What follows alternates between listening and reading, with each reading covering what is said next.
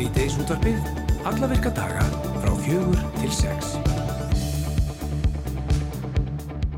Og það eru Andri Freyr Viðarsson og Rafnildur Haldarsdóttir sem að standa vaktina í dag. Og Og Og Gíja Holmgjörnsdóttir. Og Guðrún Dís Emilsdóttir lítur hérna inn og sendir klukkutöfumling Nú, Já, já, já, já. bara fullt hús á Vá, fólki það er bara margir ég gæti ekki talið. Partí, ég veit það, er ræðislega En margt hefur mætt á þjóðinni á undanvöndu og eitt af því síðasta sem við þurftum á að halda var að sjá ellendan ferðamann á 14 tonna trukki spæna yfir íslenska náttúru og það í þjórsóverum. Og uh, á meðan að gera þetta maðurinn þá tók hann allt saman upp og deildi þessu á, á uh, veraldavefnum og margar kenningar hafa sprottið upp á samfélagsmiðlum eftir að þetta var sínt í frettum rúf og uh, já, þær voru meðal hans þær að já, hvort þessi ferðamaður væri bara náttúru nýðingur af vestu gerð eða eru slóðarlandsins einfallega allt og illa mertir. Sveinbjörn Halldórsson, formaður ferðarklúpsins fjóri sinni fjórir, hann leggur sitt mat á voðaskálunar á eftir. Já, gær var haldið opið málþing um kjör eldrafólks og málþingi byggðist á stefnumörkun landsambands eldriborgara í kjaramálum 2023 og þar kom fram að um 20.000 manns lifa rétt við eða undir lámasmörkum og þóla engar óvendar uppákomur. Allar hækkanir á vöruverði og þjónustu bitna hart á þessum hópi og ekkert má fara úrskeiðis. Helgi Pétursson, hann er formaður landsambands eldriborgara, hann ætlar að koma til okkur eftir og segja okkur frá áleiktun þessa málþings. Einn stærsta og skærasta stjarnar síðustu aldar í Hollywood var án Eva Rock Hudson. Og Rock Hudson hann eh, já, lifði tvöföldu lífi og eh, komst það í raun ekki í ljós fyrir að hann lést úr alnæmi árið 1985 og þar með var Rock Hudson fyrsta stórstjarnan sem að lesta völdum alnæmis og fekk það heimsbyðana til að opna augun fyrir sjútonum Á kumbutandiðinni Riff er sínt heimildamind sem heitir Rock Hudson All That Heaven Allowed eða á íslensku Rock Hudson Rödd Hjartans. Einar Þór Jónsson, hann er sérfræðingur síðdeisótarsins í Hudson og hann ætlar að mæta til okkur eftir. Já, á undanfjöndum missurum hefur neysla á hverskins ópjóðum svo sem Oxycontin færst mjög í vöxt hér á landi sem á annar staðar og lauruglan hefur ekki undan við að handleggja Oxycontin og um þetta verður fjallaði í kveikstætti kvöldsins Jóhann Bjarni Kolbensson, fréttamaður og Yngvar Haugur Guðmundsson, myndatökumaður og framleiðandi þeir ætla að líta til okkur eftir. Mm. Svo er það okkar kona á Norrlandi, hún Gíja Holgestóttir sem að verður með okkur í dag eins og oftast á þriðutum og hún ætlar að fe fetta mentavegin og nánar að það á eftir. En eins og kunnugt er þá komst vestri í bestu deild Karla í Knaspinu eftir að hafa sigrað lið afturheldingar í hreinum úslítileik á lögadaginn og við fjöllum nú meðal annars um þetta hér á föstudaginn. Og það er ímislegt sem að kemur til með að breytast í umhverju Knaspinunar fyrir vestan. Meðal annars þarf að stopna meistarflokk Fenna samkvæmt nýjum lögum frá KSI og svo þarf völlurinn þeirra Torfnes völlur að vera tilbúin fyrir fyrsta leik næsta vors sem verður 10. apríl. Og það eru líka gerðar aukna kröfur til vallar og aðbúna með þessum árangri. Samuel Samuelsson, hann er formaður meistraflokksráðs vestra og hann er á línu. Hvað er blæsa Samuel? Hælu sæl, hælu sæl. Og til hamingi með þennan árangur, er þið ekki búin að vera í skíunum síðan á lögadaginn? Jú, jú, það er allir búin að vera voðalega gladur hérna fyrir vestan síðan að leikleika á lögadaginn og hérna ég veist að fólk lefi sér að verða það bara allavega út þessa viku en, en svo er bara svo bara vinna sem tekur tekur yfir og, og undirbúa liðið fyrir, já, del til að bestu. Já, það er mæntalega mikil vinna með að það sem að Rafnildur var að þylja þetta upp sem að þið þurfa að gera í kjálfæri í þessa mikla afreiks ykkar. Já, það er eitt og annað sem að breytist fyrir svona félaga eins og vestra að við hefum náttúrulega aldrei komist á þennan stall áður að spila í bestudeldinni og við hefum svona verið að glukka í reglugerðir hvað þarf til og hvað þarf að laga og hvað þarf að bæta og, og ég verði að veikina það. Það er ansi, ansi, ansi langur listi sem þarf að laga og betur bæta fyrir, fyrir deildina næsta ári en, en, en, en það er oft þannig að þegar hérna, við vestfyrringar stöndum saman þá gerast góðu hlutur og ég á alveg vona því að, að að við náum að framkama þetta og, og mætum með miklu sóma til leiks í bestu dildina næsta ári. Já, en ef, ef við bara tökum hennan völl ykkar, Torfnes völlin, ég meina í hvernig ástandi er hann? Er, eru þið, hérna, þurfum við að gera mikið til dæmis til þess að geta keft við þá bestu? Ég ætla að byrja að leira þetta, völlurinn heitir Ólísvöllurinn Nú, í dag. já, ég fór bara eftir og- einhverju og- frétt hérna úr bæjarins besta. Þeir veit ekkert, þeir veit ekkert. Hann, er á Tornesi en, Já, Ólís. en völlurinn heitir Ólísvöllurinn og það er náttúrulega gras á Ólísvöllunum sem er uh, eld, eld gamalt og það er náttúrulega völlurinn er á ruslahöfum og grasið á honum er lélegt, það þólir ekkert álag og það þólir ekki rigningar eða neitt þannig að við höfum farið með þennan völl bara eins og gull síðustu hár, hann við höfum lítið notaðan til að halda honum svona nokkuð somarsamlegum til að spila hann og leiki en það er svo sem búið að taka ákvörðinu það að- taka af honum grasið og, og setja gerfigras á völlin og, og ég held að það muni klárlega bara gerast fljótlega. Ég veit að Ísafjörða er mikill vilji hjá þeim að, að reyna að flýta framkvæmdum eins og hægt er og, og jafnvel að hafa hann bara klárunum áramót og, og vonandi gæti það gengið eftir. Já, En hvað með, eh, nú þurfum við að stopna, já, vera með kvennalið líka í meistarflokki. Í þið nóga af eh, konum sem að sparka bolta og vera tilbjörnar að spila undir merkjum vestra?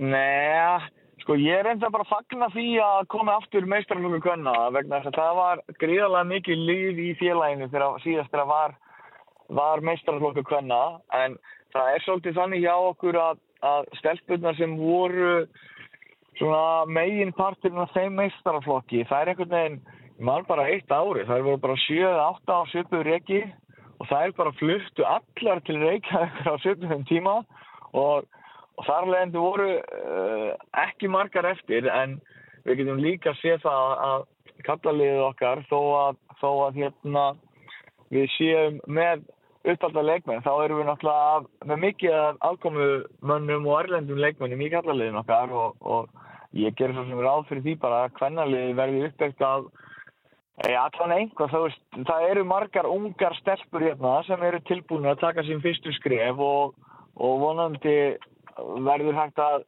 styrkja það leiði einhvað með erlendum leikmennum eða aðkomennum til að, að þetta verði að veruleika. En mér finnst það bara frábært og tekið fagnandi fyrir félagið að, að það komið mestaralokkum kvenna. já. En allavega þá er bara bjart yfir ykkur og þið ætlir bara að leysa þessi eh, hérna, já, maður segir ekki einu svona vandamál, þetta eru bara verkefni, er það ekki?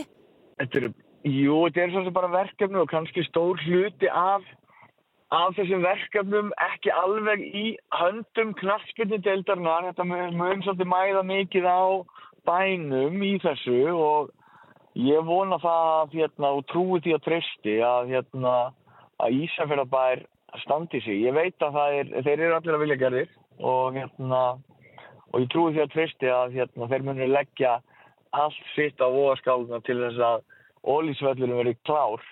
Eh, eins fljótt og auðið er af því að það hefur svolítið verið akkilarsætla okkar hérna fyrir vestan að við getum lítið eftir fyrir vetratíman en ég ætla líka að skora bæinn í leiðinu að því ég fæ hérna útvarsvital að, að það stendur til að setja þessar tvo gerfingarsvelli en það á ekki að setja hýtalagnir í þá en við verðum að setja hýtalagnir í annan völlin það er bara að því að gerfingras án hýtalagna í vetratíman ég hef allan ekki séð að virka og fyrir að einhver reyna að telja okkur trúum að það geti gengið þá er ég ekki að sjá það. Nei. Þannig að við verðum að fá hýtum fyrir annan vellin. Já, þið eru bara að spýti í hvað dósasörnum varðar og vona það besta og uh, það er spennandi tíma fram til hjá okkur og skum ykkur til hamingi með það. Það, eru bara, ég er bara þakka ykkur fyrir og bara til hamingi veskfrið að ég liði í bestilt. Það held ég Fótbolta. Sa Samúl Samúlsson, formaður meistaraflokksráðs uh, Vestra, takk hjálfur spjallið. Takk semulegis. Bless, Bye bye. bless. Rástfö Fyrst og fremst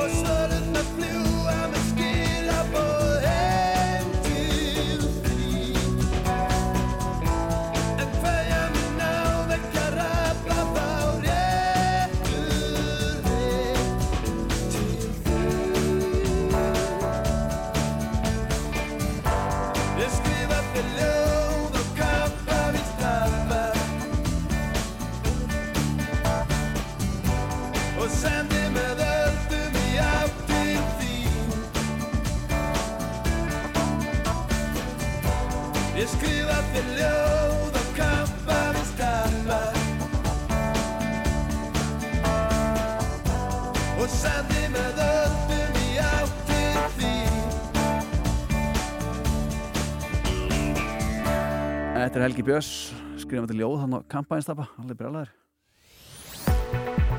Veðurhorfur næsta sólaringin. Jæja, Ramdur. Hvernig líst þér á þetta veður? Mér finnst bara æðislegt. Það búið að vera geggja veður minnst maður. kosti hérna okkar, helmingi Já, já, landsins já, já.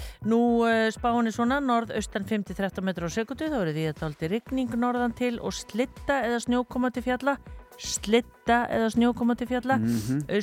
Austlægari og stöku skúrir sunnalans austlega 8, 8-15 á morgun hvassast siðst, lítilsátt að rigning suðvestanlands en annars skíjað að mestu og dálita skúrir eða jél og hitti 3 til 11 stig og það verður mildast siðst Svona lítur þetta nú það Já, er já. eitthvað slitta eitthvað stær upp á fjöllum, við ætlum um þetta einhvern tímann á eftir að tala um það, fjöllin Já, og fjallvegi. akkurat.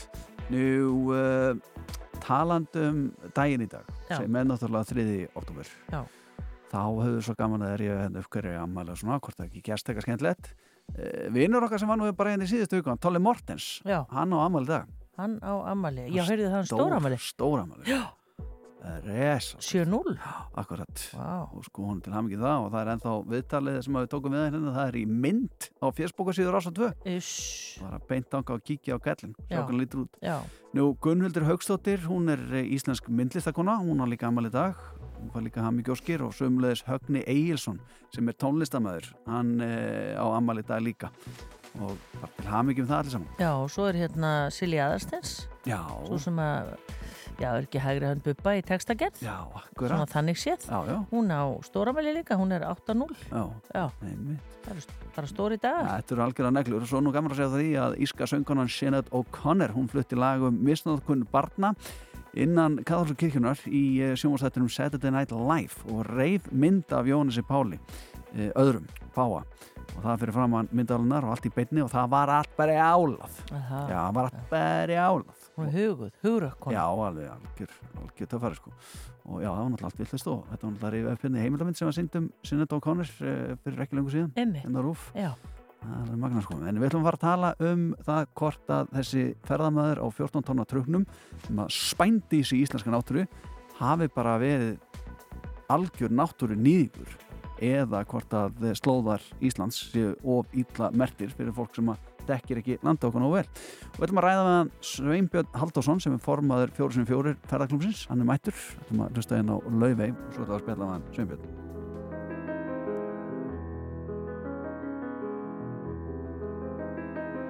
Should have figured that you'd go back to New York. Don't consider me when you run back to her. You don't have to hide it. I know why you went. Said you needed space. I know better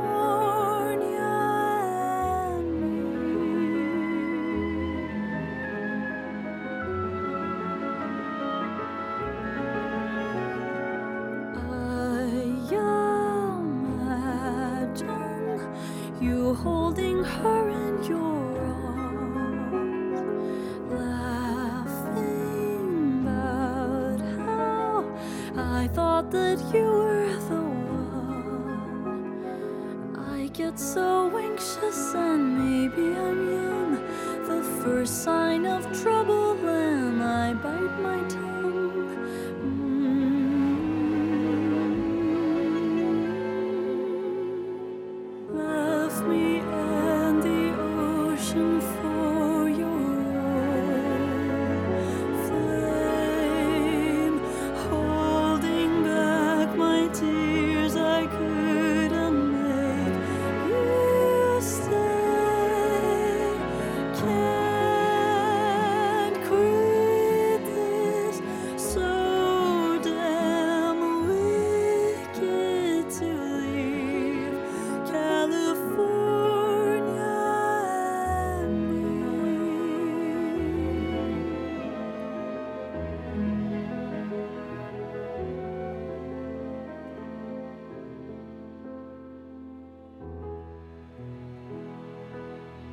Þetta er Laufey og lag sem heitir California and Me.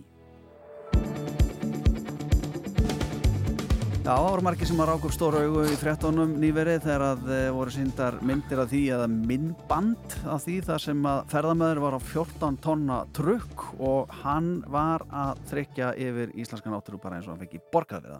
Fæsanlega borgarferða því að hann deilir þessu öllu á, á YouTube og svona og það eru margir sem fylgjast með þessu og þetta var ægilega vond að sjá þetta í þjósöfurum uh, og uh, margar getgáttu fóru á, á flug hvort að hann væri bara rugglaði maðurinn og, og hérna, meinýtla við íslenska náttúru eða hvort að það væri bara einfallega svo illa mert þannig að við setjum okkur Hann saman. hefur vilsta leið. Já, hann vilst á leið og ekki vita að þetta væri svona vegur og bla bla bla. En Sveinbjörn Halldórsson, hann er formaður fjóru sinni fjórir eh, ferðaklúpsins og hann er mættur, sælabræsaður, velkomin Já, sælur.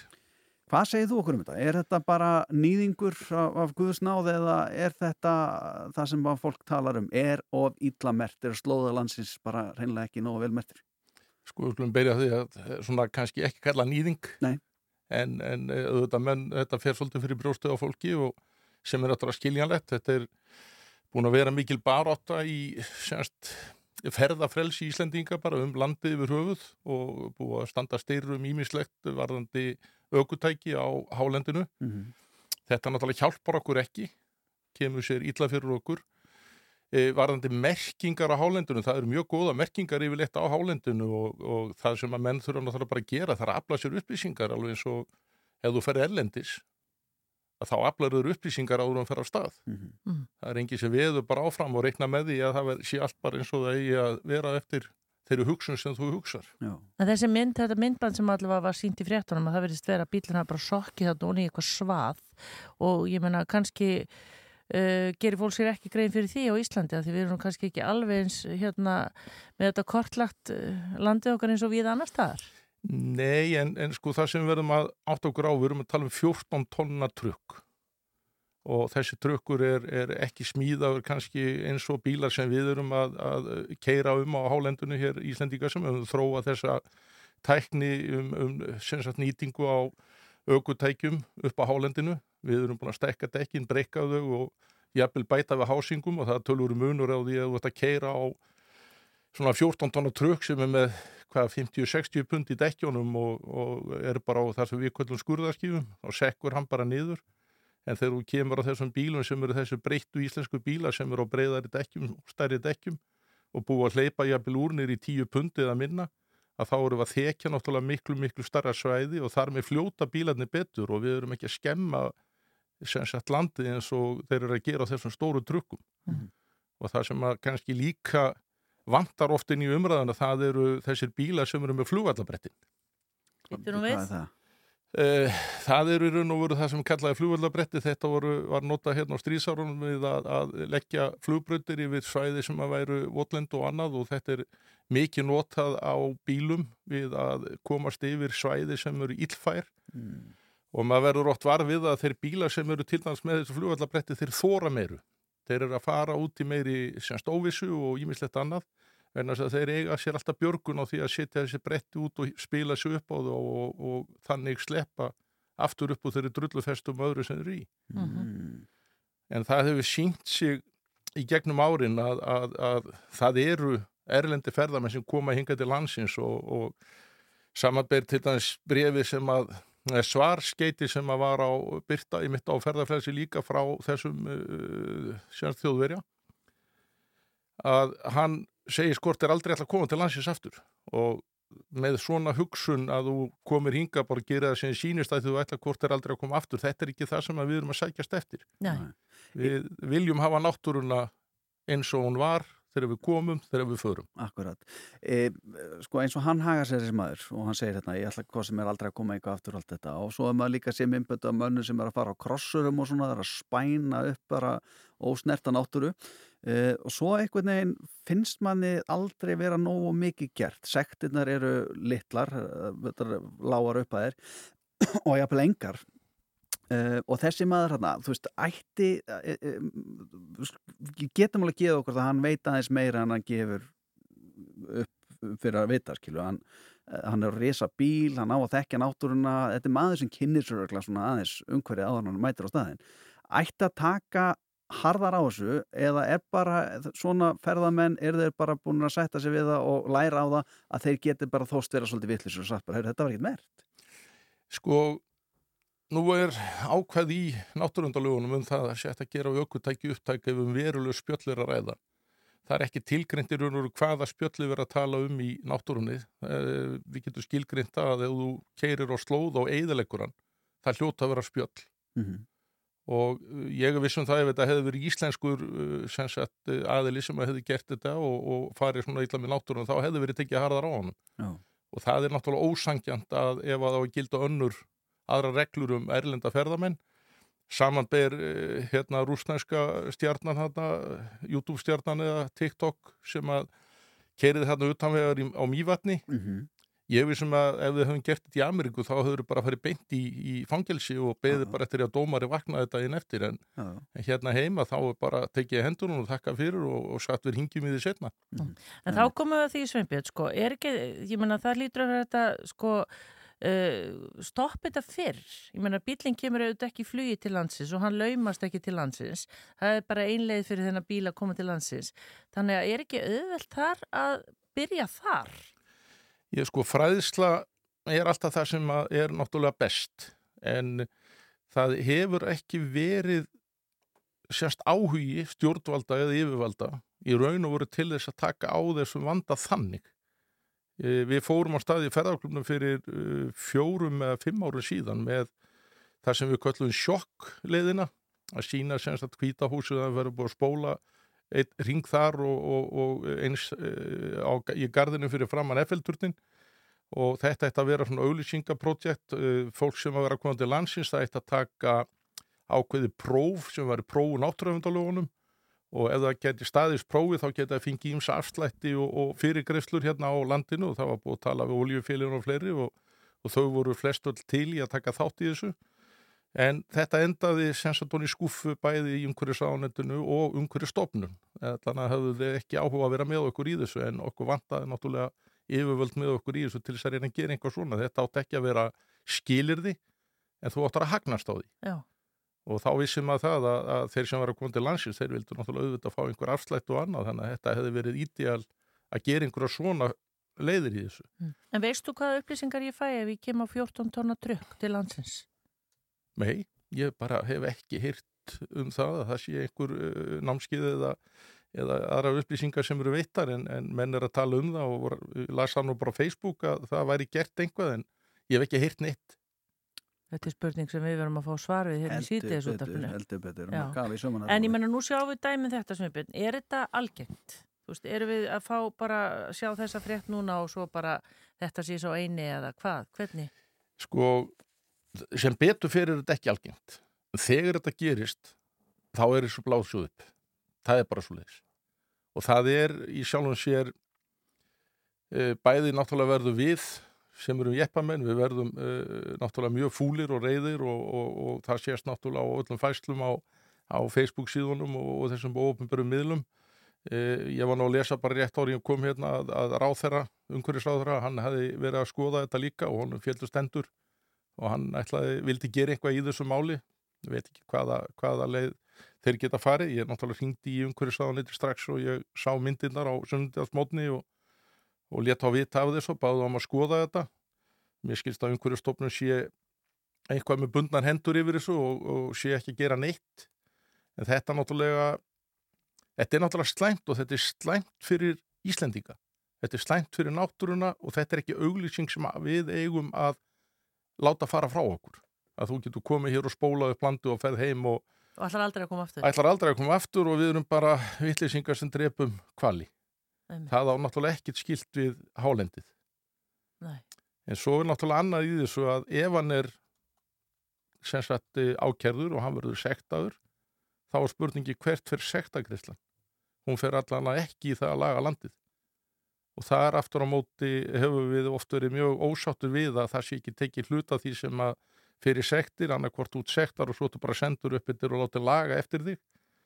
En, en við höfum farið í ferðarklubnum á þessa staði bæðið þar sem frakkandi fóru keiriðu utanvegar við loðmund og eins hérna á mývatni og þar löguðu við bara og fengum náttúrulega gott lof fyrir það. Austurlandsdeildin í ferðarklubnum hefur verið mjög duglega að laga slóða, eða semst utanvegar ræktu slóða för fyrir uh, semst uh, austan því að auðvitað útlendingarnir eru svolítið gjarnir á að vilja fara út fyrir, þetta eru svarti sandar, þetta er eitthvað sem að þeir horfa í heima hjá sér, þetta skiptir einhver máli. Mhm. en, en þetta skiptir máli á okkur því að leiðu þú spólar í ring að þá þýðir ekki að koma og hrífa vegna þess að það er litli sandurinn og annað, hann er farin og þetta sést mjög lengi.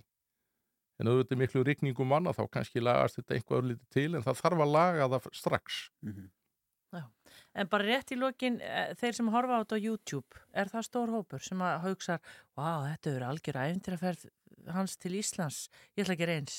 Já, já, ég er alveg viss um það því að ég man, ég, hvað er það með yfir hvað, tíu þúsund Já, já. eða ég veit ekki hvað Já, já, allan að miklu meir en ég er með á Já. Facebook já, já.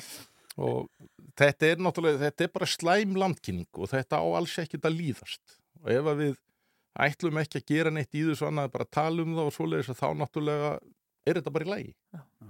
en auðvitað er þetta bara ekki í lagi. Við eigum náttúrulega að venda náttúrun okkar og við þurfum að gera það með einhverjum ráðstofunum Akkurat, eh, við vonum að eh, ríkið fara að taka harðar á svona málum svo náttúrun okkar geti haldið að fara með róspilt Sveinbjörn Haldarsson eh, frá ferðarklúnum 404 Takk ég alveg fyrir að koma inn í síðdeis Já, takk fyrir búðið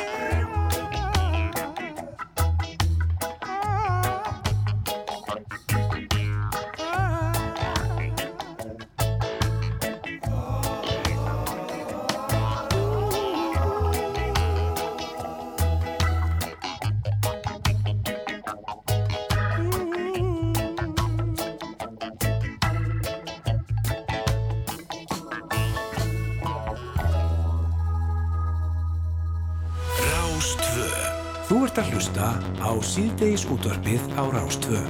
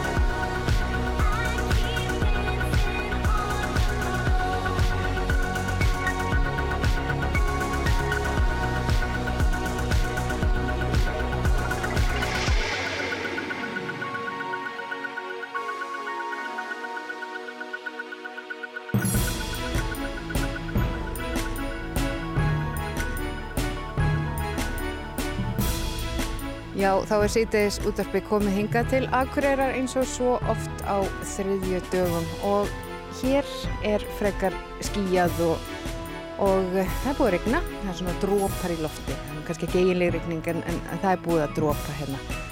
Og mig langar nefnilega í dag til þess að eh, já, fara aðeins inn í mentamálinn. Það er búið að vera mikið tal um mentamálinn hér á Akureyri út af þessari mögulega fyrirhugaðri sammenningu mentaskólans á Akureyri og verkmentaskólans og svona nýjustu fréttir uh, frá því gær eru að skólamestari mentaskólans á Akureyri segir að ekkert hafi heyrst af sammenningar áformum eða umtöluðu fjármagni úr herbúðu menta og barnamálar ráðherra og aðstofmaður ráðherra segir að verið sé að ræða þetta inn á ríkistjórnarinnar og fyrirsökjunum við þess að fréttar úr vera að skólamestari uh, furðar sig á þögn ráðherra. Þetta er svona, já það nýjasta í þessu skóla saminningarmáli hérna á Akureyri en ég ætla hins vegar að fara svolítið aðra leið að skólamálunum og ég er hérna stödd við samkomuhúsið á Akureyri, þetta gamla fortfræga hús en hérna norðanmegin við húsið, nú tala ég eins og sannur Akureyringur í áttum, hérna norðanmegin við húsið samkomuhúsið, þar liggur stígur upp brekkuna. Og þessi stígur, hann hefur fengið nafnið Mentavegurinn. Þannig að núna ætla ég að ganga hérna upp þennan stíg Mentaveginn, en stígurinn liggur hérna bara beint upp að mentaskólanum á Akureyri. Og þið heyri kannski að í kringum mig þá er svona niður hérna af bílunum sem að keira eftir drottningabrautinni. Svo eru fullt af hamarshöggum og smiðshöggum. Það er uh, mikið verið að byggja hérna bara rétt hjá samkómuhúsinu. Það verið að byggja þarna ný hús alveg við drottningabrautina. Þannig að heyriði bankið. Og Hótel Akureyri er líka að byggja við sig viðbyggingu þannig að það er margt að gerast hér í byggingafrankvöndunum. En nóg um það. Ég ætlaði að feta hérna upp mentavegin. Það er nú ekkert að setjast á skólabekk, ég er búin að öllu því. En sem sagt, hú, en það er ekkert auðvelt, eins og þið heyrið að feta mentavegin.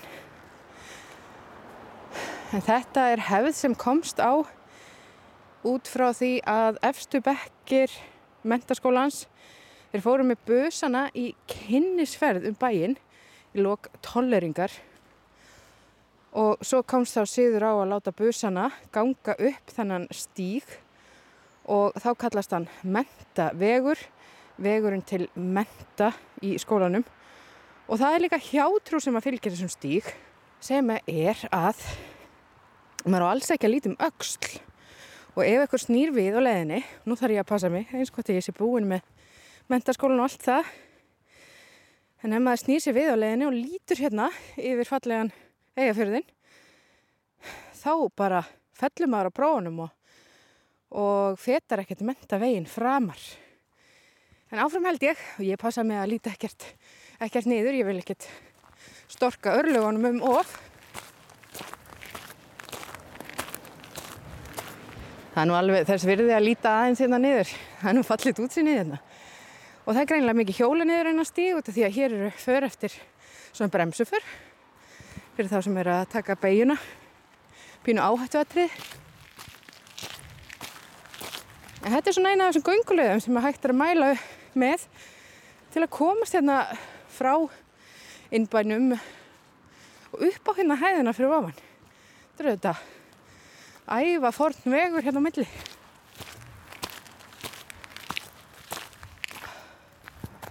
Svo er bara gott að taka smá pásur inn á milli til þess að ná andanum. Það gengur ekki að vera lafmóður í útvarpinu.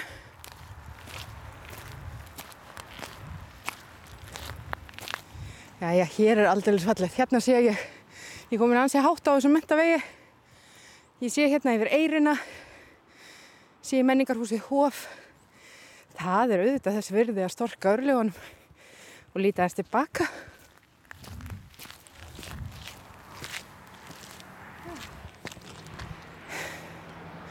Jæja, þá er maður búinn að feta mentavegin og er komin hérna upp á hæðina. Hér sé ég glitta í mentaskóla bygginguna gömlu bak við runna og tré. En sem sagt, eh, neðst þar sem ég byrjaði að labba og svo hérna efst, þar eru svona skemmtileg upplýsingaskildi. Og hérna þegar maður er komin upp, nú er ég búin að ganga upp mentavegin, en svo ef ég fer niður, þá fer ég niður glötunar stíg. Og hér stendur, snemma í sögum mentaskóla svo Akureyri og gengur skemmtana glæði nefnendur niður þennan stíg á leiðsinn í dans og dubl í samkomuhúsinu sem í þá daga var meðal annars danshús. Og þeir sem sóttust eftir slíku voru í augum siðvandra taldir feta veginn til glötunar og hlaut stígurinn þá nafni glötunar stígur. Og svo eins og ég segði aðan, það var lengur setna, farið með busana í kynnisverð hérna um bæinn í lók tolleringar og þá komst á svo síður að lappa upp þannig sama stíg, glötunarstígin, en þá héttan mentavegurinn. Og alls ekki líta um öxl á leiðin upp mentavegin, því að þá fellur bara prófunum. En fyrir þau sem eru búin að ljúka sinni skólagöngu, þá eru þetta tilvalið að njóta útsýnisins. En lafmóð hveði ég hérðan frá Akureyri, þetta var fánýtur fróðleikur svona inn í daginn og allir maður að fara ekki glötunastígin aftur niður, held ég bara. Hleyp þetta.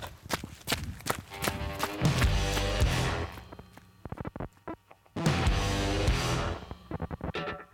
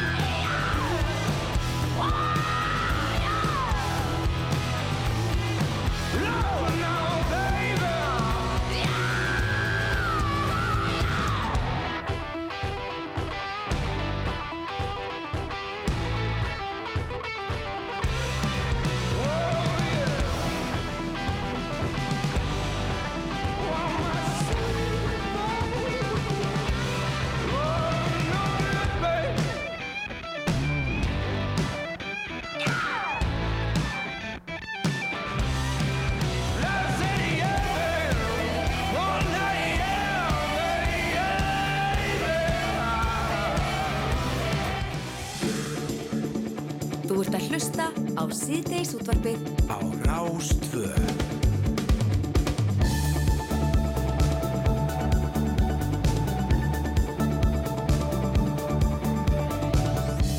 Í gær var haldið opi málþing um kjör eldra fólks og þetta málþing það byggðist á stefnumörkun landsambas eldri borgara í kjaramálum fyrir árið 2023 og þar kom fram að um 20.000 manns lifa rétt við eða undir lámarsmörkum uh, og þóla engar óvæntar uppákomur og allar hækkanir á vöruverði og þjónustu bitna hart á þessum hópi og það má sagt ekkit fara úrskeiðis. Helgi Pétursson, hann er formaður landsambas eldri borgara og hann er hingað komin. Velkomin Helgi.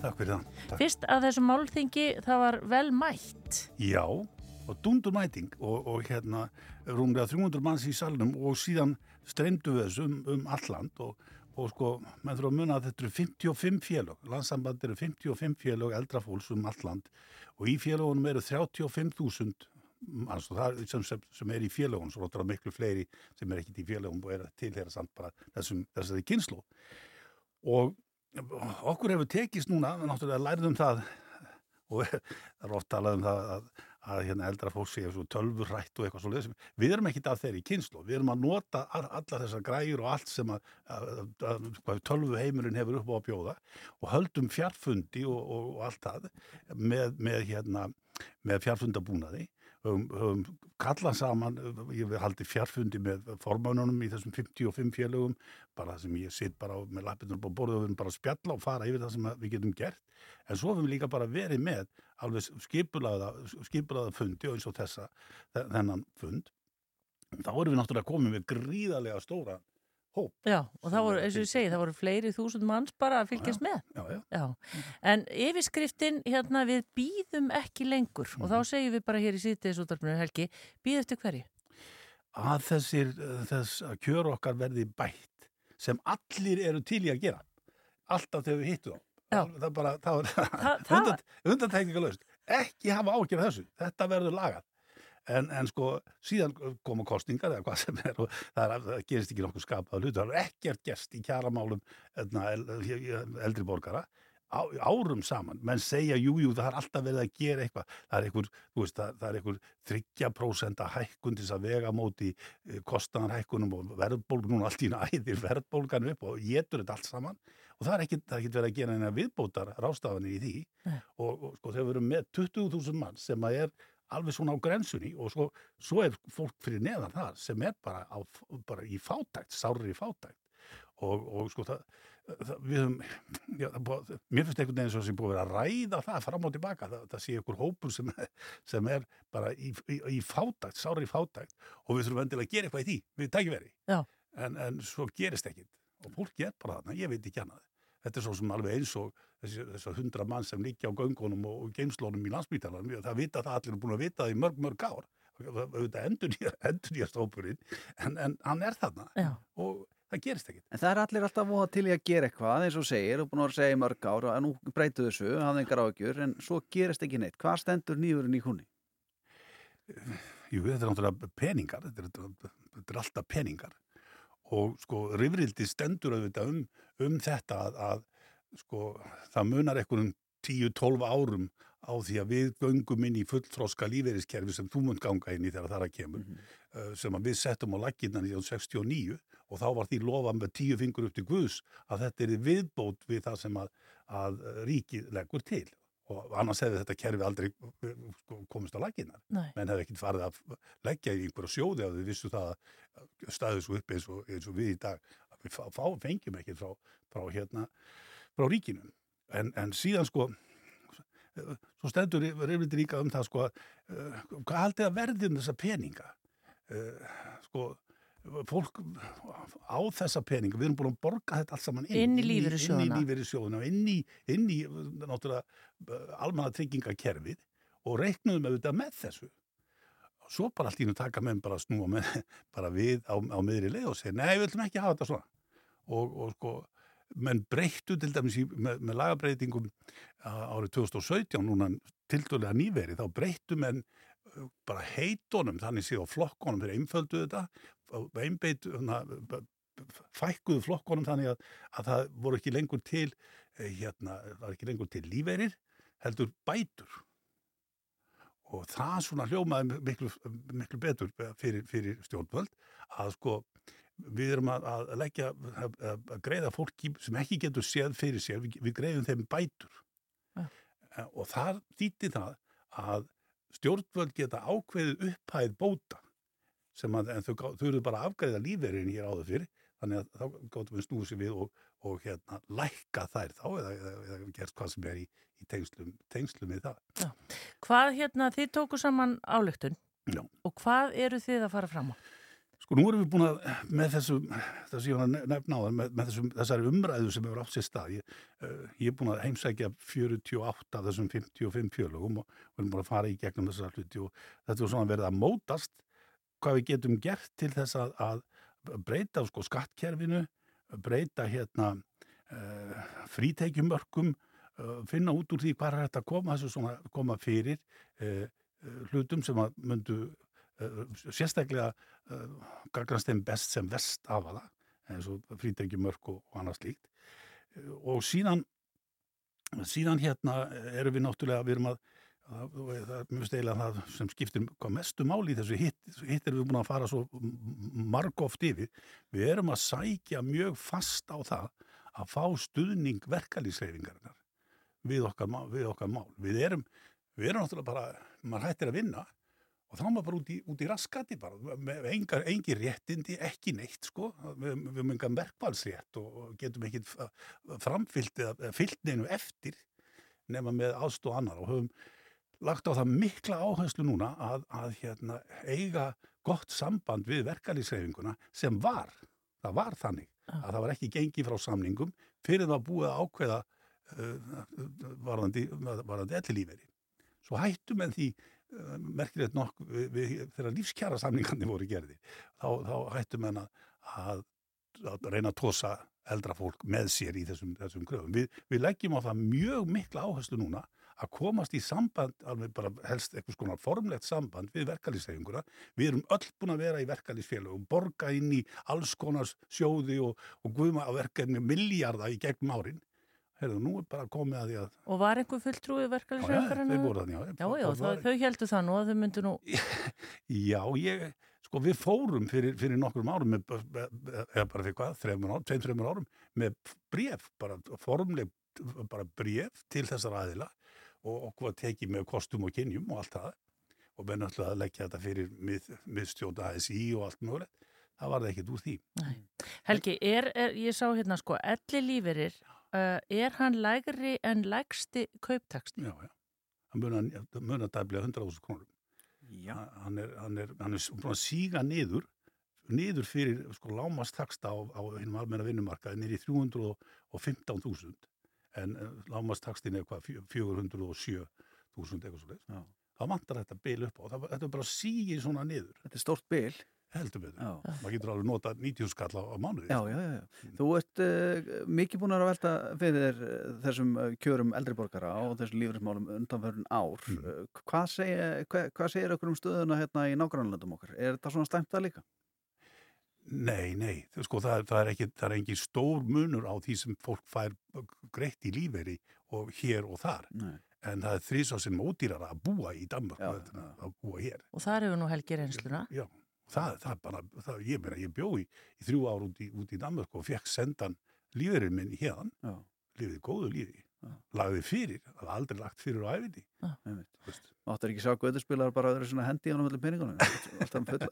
Nú síðan náttúrulega, svo auðvitað er okkur mjög umhungað um það að menn sko leggja ekki hér fram eitthvað fjárlega frumvarp bara, bara sí svona. Vi, við viljum líka segja, herri býtu, hvað er tekjuhlíðin? Eh, Hvað eru menn að gera í tekjuhlíðin á þessu mál? Ákveð það er alltaf gargað, skerum niður, skerum niður. Við erum að segja, hefðu, það er fullt af tækifærum til að ná í miklu meiri tekjur inn í ríkisjóð heldur en hér er verið að gera. Og þannig er náttúrulega verið að glíma við bara pólitíska, pólitískar veruleika, sem að menn eru bara, er, er að passa upp á sína og, og gera það mjög alltaf. En svo bara rétt í lokin, Helgi, sko, ef þú ætlar að vinna með og Mhm. þú fær þennan elli líferi, Já. þá eru þeir nú fljótir að klípa þér. Já, já.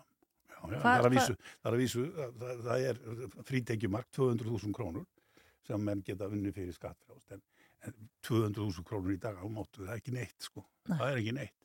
Og svo náttúrulega líka, býtu, uh, þegar að, má ég ekki bara hætta að vinna? Þarf ég eitthvað að vera, vera að því? Að krungast í já. þú veist, Hvað, hvað, hvað er með þetta, hvað heitir þetta? Áhyggjul- Áhyggjulöst ævikvöld, já. Sá Já. ágæti frasi. Hvað með hann? Og sko, með verða aðeins átt að, og ég segi náttúrulega, við verðum að tala við yngra fólkið í, sko, bara yngri kynnslóðina menn. Hún verður að taka þátt í þessu. Ef, ef, ef þau taka ekki þátt í þessu með okkur þá verður þetta svona þegar þau, þau- koma. Það verður ekki gerðan eina svona stórkostlega breytingar. Það verður alltaf einhvers konar, ef, ef þessi svona eh, hugsun er í gangi í samfélaginu þá er þetta bara svona Það er hægt að sjá uh, þessa áleiktun nánar inn á heimasíðin ykkur, inn á landsambandi eldri borgara en uh, þetta er ákveðið áhyggjaefni. Andri, ert þú spenntur að eldast? Ég held að vera ekkert búið að laga þetta í hún aldrei. Nei, Helgi, ertu bjart sín? Já, já, ég trúi því Já.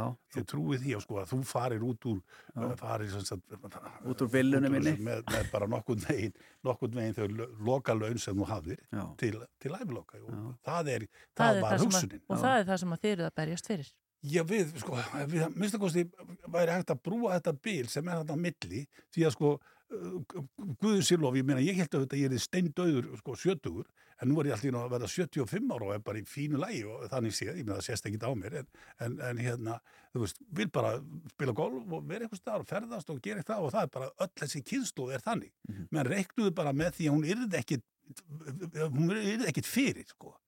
Og, og það, það er meiri sér einhvern veginn þannig með því að það sé hægt að bæta inn í þetta sko það var, það var svona reiknað með að hinn í dræpust sem er þannig fyrir sko, svo bara lifa þeir von úr viti. Já, og menn alltaf, menn alltaf ekki að taka á þessu máli. Nei.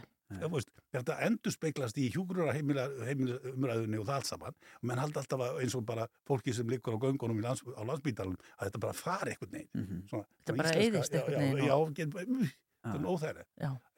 getur ekki farið bara Þetta rettast ekki. Þetta er þetta ekki. Þið standið ykkur vel Helgi Pétursson, uh, formaður landsabars eldri borgara áfram þið og bara, hérna, já, við bara verum að vera bjart sín. Er það ekki? við reynum, jú, jú, jú almáttur, ég þetta bjart sýtt þetta er ekki í huga á, stundu getur maður náttúrulega bara að hleyja þessu en, en það, það er nú stutt í grátinu sko. Takk fyrir þetta Helgi. Hver segir þú meir ekki dreyma. Hver segir þú? Átt ekki hér heima. Átt þína von. Átt þína trú. Byggður draum. Þína lífsins brú. Velkomin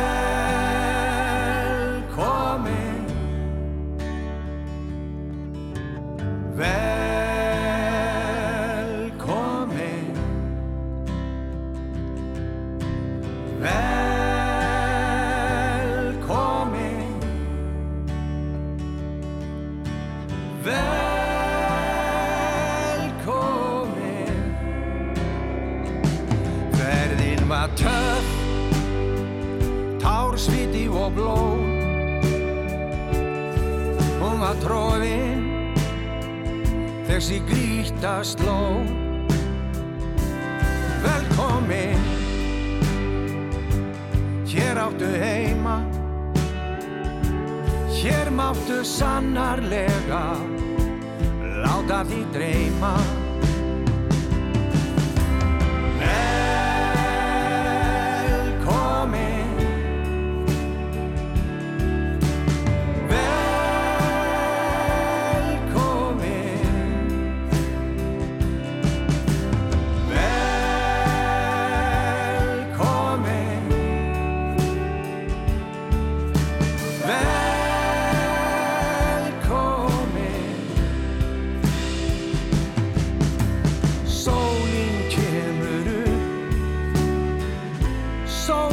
Sólin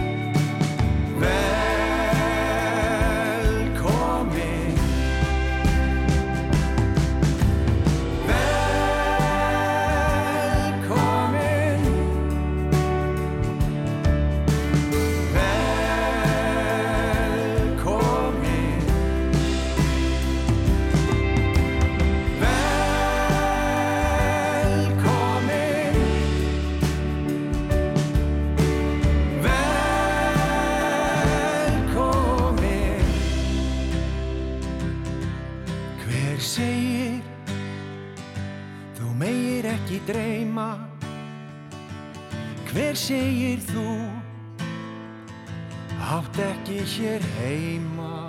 Bubbi Mortens og uh, lægið Velkomin en áttar þú þig á einu Hrafnildur Halldórsdóttir? Hvað er búið að gerast inn í síðdeisútvarpinu og það er bara næstuð fór það fram með okkur? Ha? Við byrjum þáttinn á Holy Bee Já. Helga Björns, með laga með Helga Björns.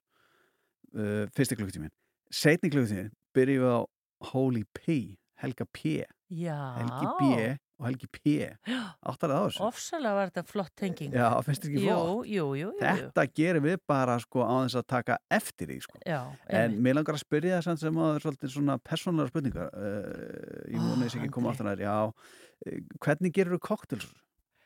Ég kann það nú. Já, Það er akkurat. sko, sem sagt, Grunaði mig, sko. jómi Þú notar síðan já. og svo kannski má alveg vera eins skeiða majó í Mm. og tómasósa.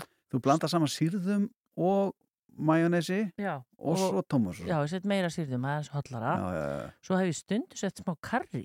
Já, einmitt Það er aldrei gott. Akkurat, akkurat. Og bara, í- hérna, eiginlega gerir þetta bara mjög oft. Já, já.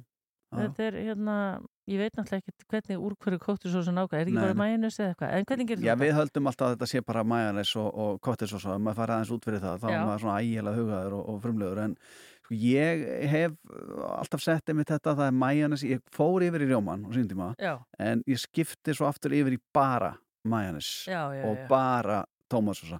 Þetta er, svo setja ég smá sætt sinneb líka. Já. þetta er koktelsósan mín sko. Kemur hann nú ekki með? Já, og svo náttúrulega eru aðra sósi sem að margir halda sér kottelsósi sem maður er að blanda saman sko síðunrjóma og siraka Já, það er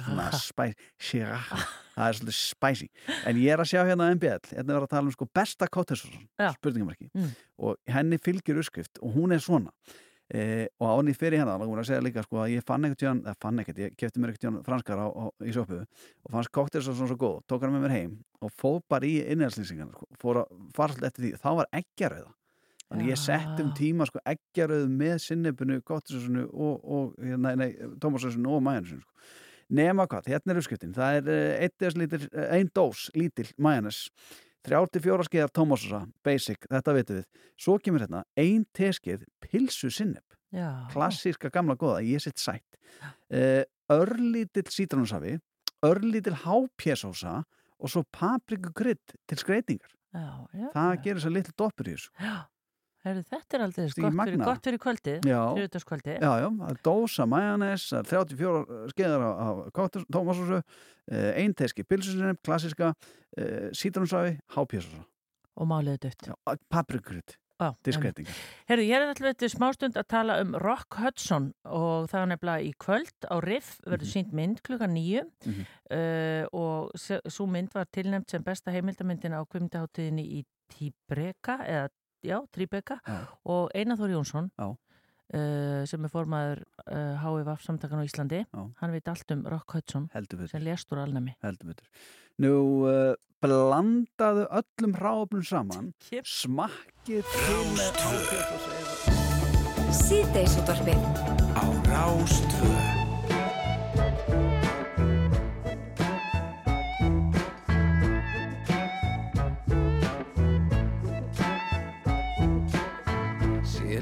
Lífið sjálft lof og dýr og ljósið í þér sama hvernig þú snýr. Allam alla amma mamma mú já haldt á kett og syngjandi kú. Hver stund er svo tær æ fersk og ný. Svo langt sem það nær Bingo lotteri Upp, upp, upp og app, upp, app,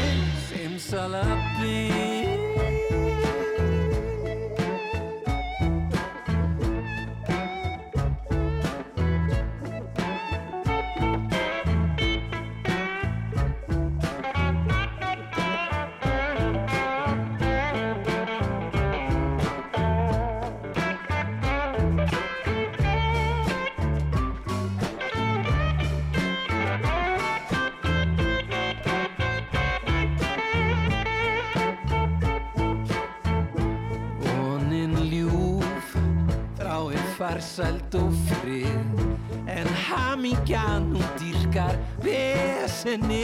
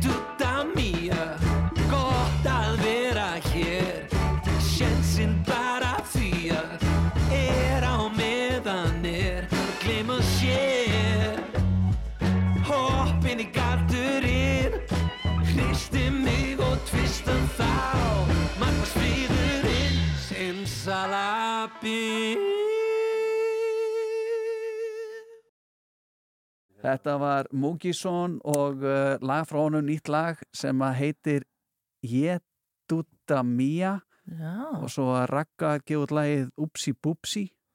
Og svo náttúrulega eigum við hérna Shubidoo Já, svo, var þetta svona slangur að það, hérna, Edutta Mia og náttúrulega Múkisson og Ragga eru saman í, í besta bandinu líka skilur þannig Einmitt. að spurning hvað er þetta að byrja alls saman sko? það, Hmm. en eins og ég nefndi aðan þá verður merkileg mynd uh, sínd á Riff í kvöld og það er náttúrulega, það er algjör veistla í, í hérna háskóla bíó þessa dagana og þetta er svona tími sem að örgulega margir bara uh, svona kvíðadaldi að því þau eru að velja úr Já. hvaða myndir þeir eru að sjá Akkurat. uh, en það er semst merkileg mynd klukka nýju sínd og hún fjallar um Rock Hudson Já. þann uh, merkilega mann og til að segja okkur allt um hann eða allavega það sem hann veit meirin við heit, uh, voru híka komið hann Einar Þór Jónsson velkomin. Takk. Formaður, er það ekki? Formaður Framkvæmdastjóri, Framkvæmdastjóri. HVF-samtakana Einmitt, já. og HVF-kallinn bara. HVF-kallinn, já. Eidsmaðurinn Eidsmaðurinn á Íslandi. Já, heyrðu, við verðum bara að láta þessum að fólk hann úti, það er ekki allir sem vita hver Rock Hudson var. Nei, þann, nei, nei, kannski foreldrar okkar Já. vita, mun eftir hann, þau sem eru á lífi. Já. og líka fólki sem að segja að svona, ég maður safna alltaf leikaramyndunum Ég, ég var þar, Já, já, ég er það gaman, ég já. sapnaði þeim og Já. það var hérna Elspeth Taylor og Rock Hudson og allt, allt þetta fólk, sko. James Dean og svona var alveg, maður leiði sinni í þetta og ég man nokkuð um þetta allt saman. Já, segðu okkur Eh, aðeins. Já, Rock Hudson, sko, þetta var bara einn ein aðal stjarnar Hollywood, sko, frægasti leikari heimsins og óbáslega fallegu maður, 1.95 á hæð. Þetta er bara Tom Cruise þessa tíma Tom Cruise, já, Tom Cruise er náttúrulega hann? já, þetta var algjört gæjant, sko, en það hétt myndin gæjant sem að fekk Nóbesverðinu fyrir, sko. Óskars. Óskar segja, Nobels, já, já, Óskar, já. hérna, já, e, já, já, og hann sem sagt sko eh, er svona ótrúlega flottur og góð, hann var góður leikari líka. Og, og hvað sem svona tala á þeim tíma en hann var nú eiginlega ekki við hvern mann kendur en hann giftist nú einu sinni og það var rítarannu sínum og nú sagt að það hann verið svona síndargifting uh, hann hérna Veitu, hvena var hann aftur fættur? Andrið, þú smá að finna það. 25 Já. Já, ég 1920. googlaði þetta Já, mitt aðan svona, til að vita 1920. aðeins meira sko, en ég maður vel eftir þessu öllu saman Mhm. og ég fór með svo skoða húsið hans í Beverly Hills hérna 1986 þegar ég kom í fyrsta skipti til LA wow. þetta var ótrúlega svona The, Castle kallaði hann það en sko hann, hann leik mikið með Doris Day og hún var svona eina hans aðal vinkonu og hann átti vin, marga vinkonur ég verði eiginlega að draga vinkonu mína hann Elizabeth Taylor inn í þetta líka. Það er ekki hægt að tala við þetta öðru sig og þarna var gengið, þarna var klikað það var Montgomery, Clift og slafallegu maður, James Dean Mallory Monroe Elizabeth Taylor og þetta fólk öll svona fætt um og eftir, fyrir og um 1930 Já. eins og fóreldra mínir. Og þetta var glamur, glaumur, glans og fallegasta fólki í heiminum, þetta var Hollywood og þetta voru stjörnur, The Stars og þau voru öll daldið held ég óhamingisum öll að leita, öll að leita ástinu og lífi og, og uh, áttunda áratugurinn eða níunda áratugurinn sem fyrir 80s, níunda áratugurinn hér, hann kom setna uh, Doris Day hún sagði að þau hefði aldrei talað um hans kynneið hún var oft spurð, er það virkilega þannig að hann sé hommi á Rockhatsson sem fallegasti maður í heimi.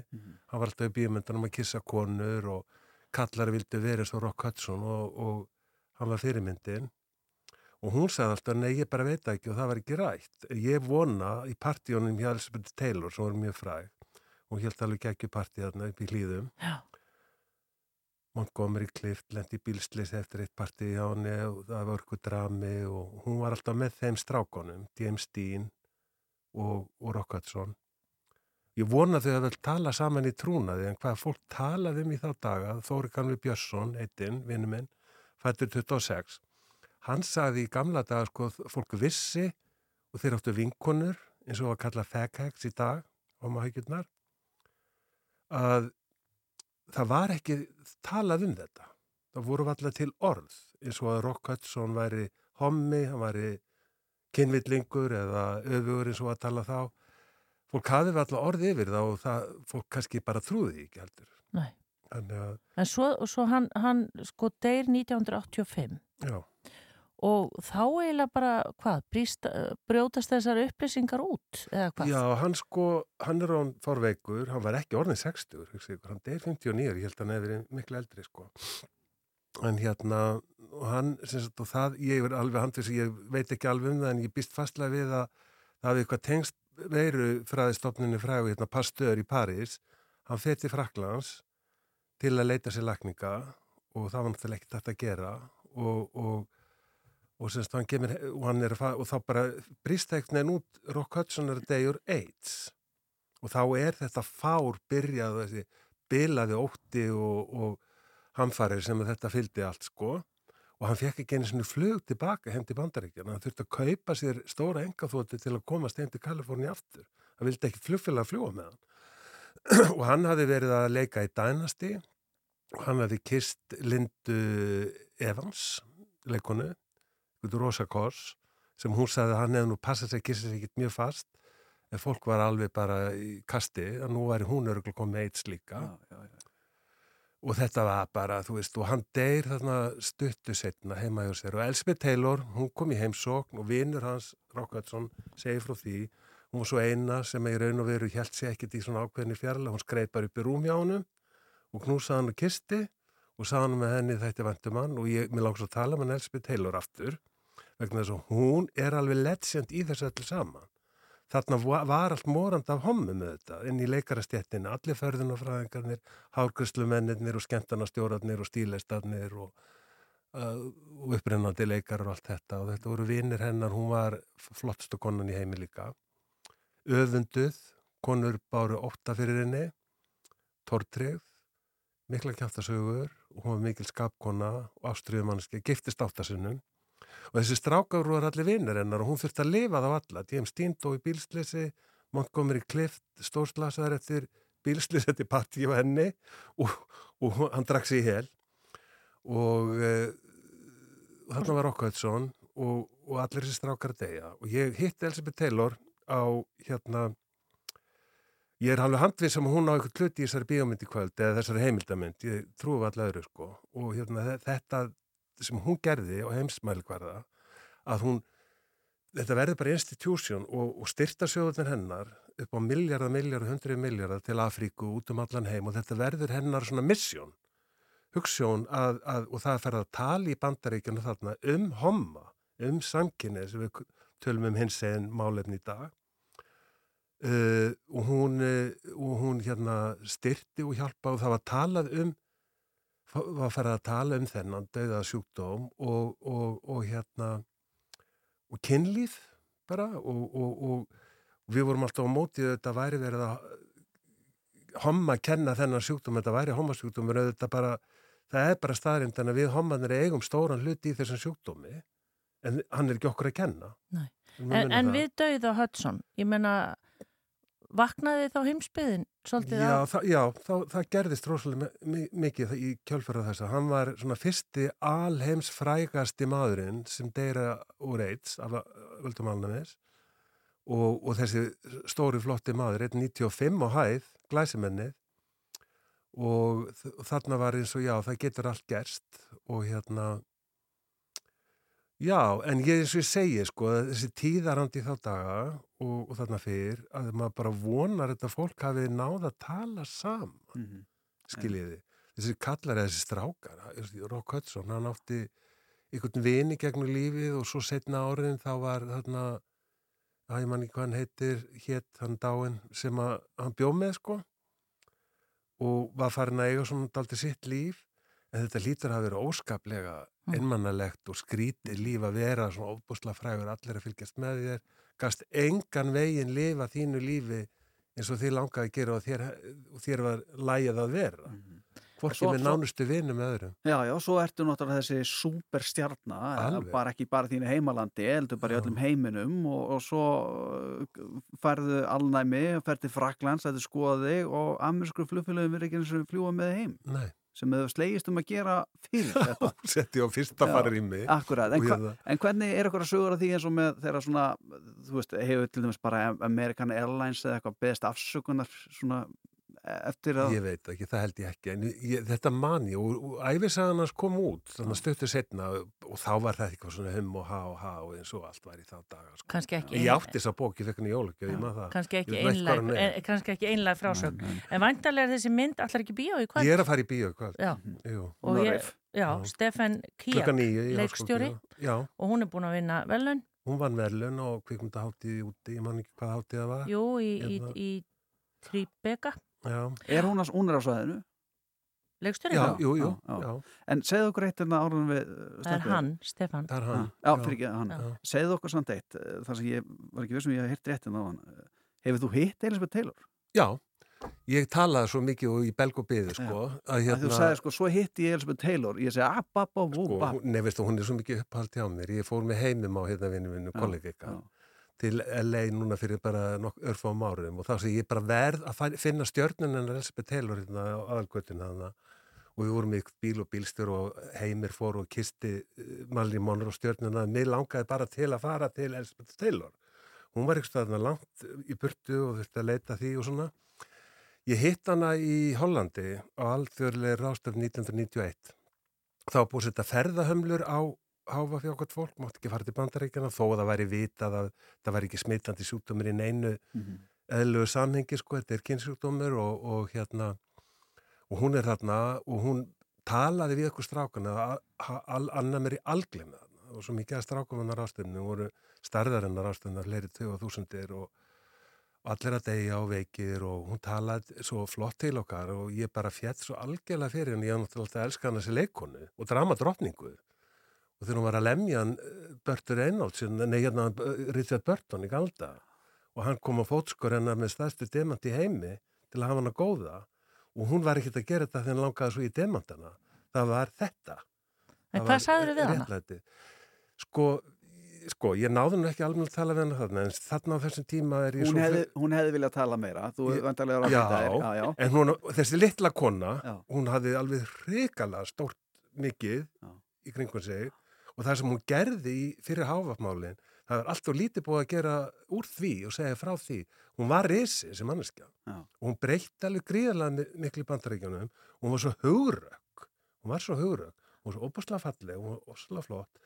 Svo voru vikt tímun á djáminu og fyllir í háfastrákunir í Stokkólmi þegar ég bjóð þar í ákváfnum, postíf og við ringjum alla leið til Kaliforníu og hérna, og, náum einhvern veginn sambandi við rítarinn hennar hérna, eh, þannig heima hjá henni í LA, þetta er alveg ótrúlega Heyrðu, hún kom í síman og talaði við því svíti spjútugul gæs og við vorum með hana við vorum með hana á spíker og þetta var, hún var alveg ótrúlega Ha? svo fór ég að, já og svo hérna, ég get nú alveg sagt ykkur frá því þegar ég fór í kvítahúsi hérna 2012 Heyrðu, einn þá alveg verður að koma aftur- en svo, en, en svo var hún, fekk hún sérstakka hefð, þá var hún til dælega nýt áin, þá er ég alheimsar ástefnu í, í Suður Afríku og þá var eh, Desmond Tutu, hann talaði um og sagði bara hvernig hún hefði gert, lift grettistaki í Afríku með öllum þessum peningum og sjóðum sem hún sapnaði öllum þessum samböndum sem hún hafði og breytti alþjóðlega helbyrðismálastofninin og saminuð þjóðnar Júni Aids og allt þetta.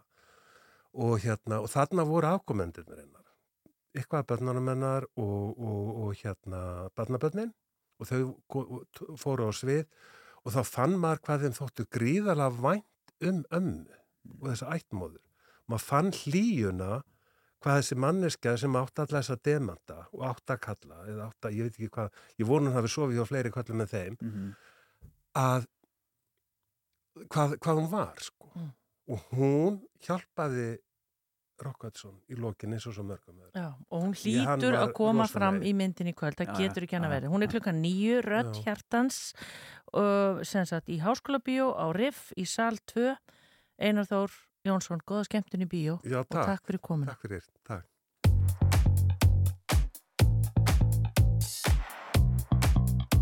Whoa,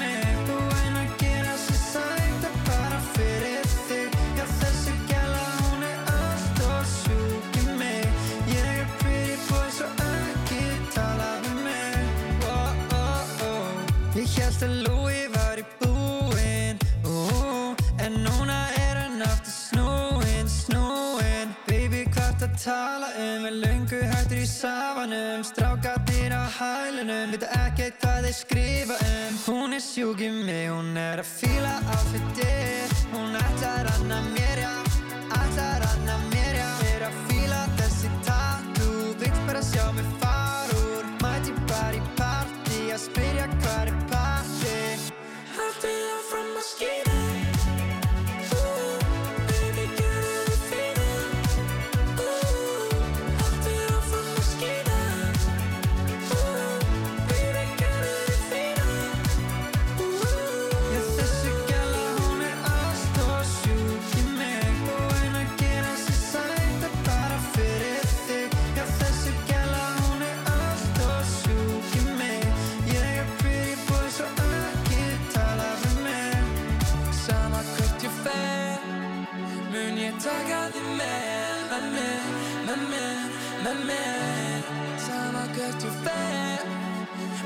Mun ég taka þig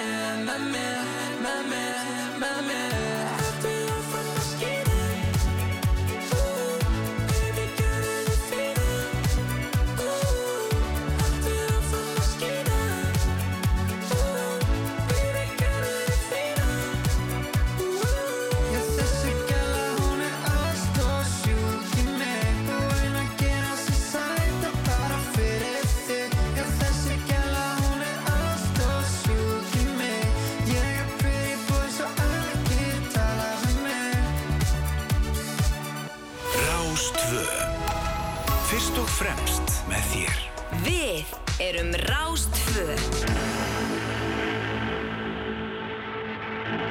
Það er kveiksþáttur í kvöld eins og uh, við þekkjum á þriðutjum, þáttur nummið tvö. Já, það er annarkvæð þriðutjum. Annarkvæð þriðutjum á þessum detri.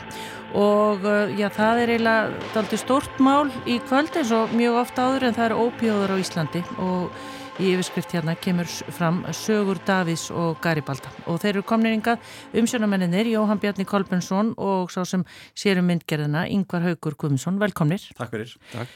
Segðu okkur aðeins, Jóhann eh, Bjarni, þetta er búið að vera daldi lengi í vinslu hjá okkur?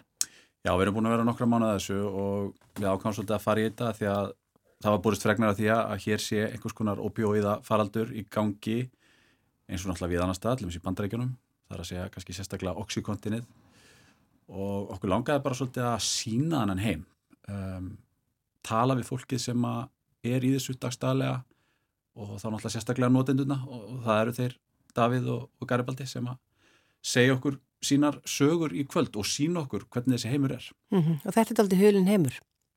Já, eðlilega. Uh, fólk er kannski feimið við að sína þetta en, en þeir eru tilbúinir í það báðir tveir og, og reyndar aðstandandi Garibalda bara til þess að vera bæði kannski vítið varnaðar og kannski til þess að bara opna umræðina og, og hérna kannski opna auðvitað stjórnvalda líka fyrir því hvað er hægt að gera betur í þessum málum. Mm. eins og ég nefndi búin að vera nokkra mánuði að vinna þessu þetta er eitthvað sem að maður auðvitað kastar ekki fram á einu kvöldi Nei, ætlum við ekki byrjað á þessu í mæ og núna er komin oktober þannig að þetta eru aldrei að sé margir mánuðir sem verði þessu og það, maður gerir ekkit svona á einhverjum dögum sko, ekki svona verkefni. Nei. Tækt sko. Og eru þið sleiknir eftir að hafa já, verið að kafa í þennan heim? Já, alltaf mikið segja það. Kanski grimdinn og, og einhvern veginn er, er enn verri en maður hafði þórað á, ótaðist fyrirfram sko. Um, og svo það sem við gerum líka er að, að við fjöllum daldið mikið um það að, að það náttúrulega er ekkert neyslurými til staðar á landinu eins og var því var lokað í mars. Og þá eru þeir sem eru að nota fíknefni þeir eru bara að nota staðins og bílastæðahús og, og, og salerni, almenni salerni og svona til þess að, gera þetta sem er bæði, já, náttúrulega bara getur verið hættulegt uh, óþrifnaður og sýkingarhætta og alls konar um, og þetta sýnum við í þetta mjög kvöld. Mm Yngvar, hvernig mynd, mynd já, er þetta orð, or- nota orðið skreitir maður svona Nei, ég myndi ekki segja skreitir. Nei. Þetta er bara alltaf bara partur af þættinum, það sem við erum að sína. Eh, ég ætla að sínum svolítið svakalega restaður og hérna þær eru bara fólki finnst það örugla sjokkarandi en, en þær eru bara nöðsynlega partur af því að gefa einsýn og sína afleðingarnar og aðstæðarnar sem að fólkið er að nota við og kannski setja andlit á þessar fréttir og tölur sem maður sér Mm -hmm. Sko nú eins og, eins og þið segið, þessir faraldur er búin að vera eins og í bandaríkjónum og, og maður hefur fengið fréttir að þessu lengi. Eftir að hafa verið að ég fylgjast með þessu, brá ykkur, er þetta bara miklu svartari veruleika heldur um að gera sér grein fyrir? Já, kannski þegar maður sér þetta með einu augum sko, þá, þá held ég að, að já, það með alveg segja það og til dæmis það er alltaf verið að tala um þetta oxykontin uh, ég vissi hreinlega ekki að hann ég byrjaði þessu sko hvernig það væri notað, þetta er náttúrulega töflur. En svo kemur ljósa að, að þeir sem eru svona hafa gengið lengst í þessu reykja töflunar og ég, ég vissi ekki að það væri gert hannig og þetta er sjokkar að sjá það sko, Mm. svo við sjáum í kvöld sko. En megum við skilja þetta, þetta eru tvær ólíkar sögur, annar er í bata, hinn er á götunni, er þetta til þess að sína bara það auðvitað ólíkir heimar þarna eða Já, hvernig er það hugsað? Þeir eru klálega þóttir eigi margt sammeilegt þá eru þeir tveir mjög miklar anstæðar ákveðunleiti sem er, sem er það er að, að annar þeirra á mjög stert bakland býr í, í heimahúsum, heimahúsi uh, og á öflóða fjölskyldu sem stiður hann uh, með ráðamótaðum meðan að hinn er á, á götunni í Reykjavík og, og gistir í gistskilinu og á svona nánast engan að sko nema, nema sjálfan sig sko og það, það, það er svolítið anstæður þær sem að munu byrtast í, í þættinum í kvöld. Mm. Og einhver varðandi eins og myndefnið og annað, það lítur að þurfa að byggja mikið tröst já, á milli ykkar og, og þeirra sem þeir eru að fylgja eftir og svo síðan kannski fólksins í kring var, ekki, var gætt að öllu sem það þurfti að gæta að og svona við gerðum þáttarins. Sko, Jói var enda búin að byggja það tröst mjög vel upp áður en að við fórum að hittum eh, hérna, þá sem vorum að fylgja eftir en, en svo reyndar bara voruð mjög fljótar, fljótar að gleyma myndaöflinni sko. það var alveg ótrúlegt Mhm. Ertu með einhverju svona sérstakar myndavilar í svona Já, aðstæðum? ég eða? nota stundum litlar, mjög litlar myndaöflar sko. og hérna ég veit ekki, kannski við bara svona lítið fyrir mér sko. Já. Já. E, eigum að heyra eh, smá brotu þættinum í kvöld Eh, Jóhann hvað ætlar að lega okkur að heyra? Ég var að suma, sko, að því að við, við reynum að, að sína líka, sko, aðstandenda vinkilinn, ekki glema því að aðstandendur, sko, þetta er mjög erfitt fyrir aðstandendur að, að eiga sérstaklega kannski bann í, í neslu og, og það bara tekur yfir lífið, sko, eins og Fólk hann lýsir. hlýtur að verða bara bjargalust. Já, og við tölum við tala við hann Ívar Bragason sem er pappi Garibalda uh, og skulum bara svona aðeins heyra hvernig hann lýsir þessu. Þetta búið að vera einhver kannski 5-7 ár í hildina, byrjaði einhver 15 ára. Þegar svona fyrir að þingjast í þá að lýsa þessu, þá er þetta bara svona eins og helviti, helviti á jörðu sko. Þetta er bara ekki, ég veit ekki óskan einu fóröldur um að það þurfa að standa í þessu. Við erum bara í rauninu búin að vera í gíslingu bara í tvö ár. Þú getur ekkit lifað venlu lífi, þú getur ekkit farið frí eða synd öðrum fjölskyldumöðlum eða áhófmálum en eitt. Þú ert bara í gíslingu. Þetta er sláðandi frásögn og, og hérna þarf maður ekki að undirbúa sér vel bara fyrir kvöldið. Jú, og það er enda sérstök ástæða til að minna á það að sko myndir í þættinum geta vakið óhug og alveg, kannski alveg sérstaklega. Þannig að ágæta fólk hafi það í huga. Einmitt það. Kveikur í kvöld klukkan 20.05, er það ekki? Passar. Uh, takk fyrir komin hingað Jóhann Bjarni Kolbensson og Yngvar Haugur Guðmundsson. Takk fyrir. Takk.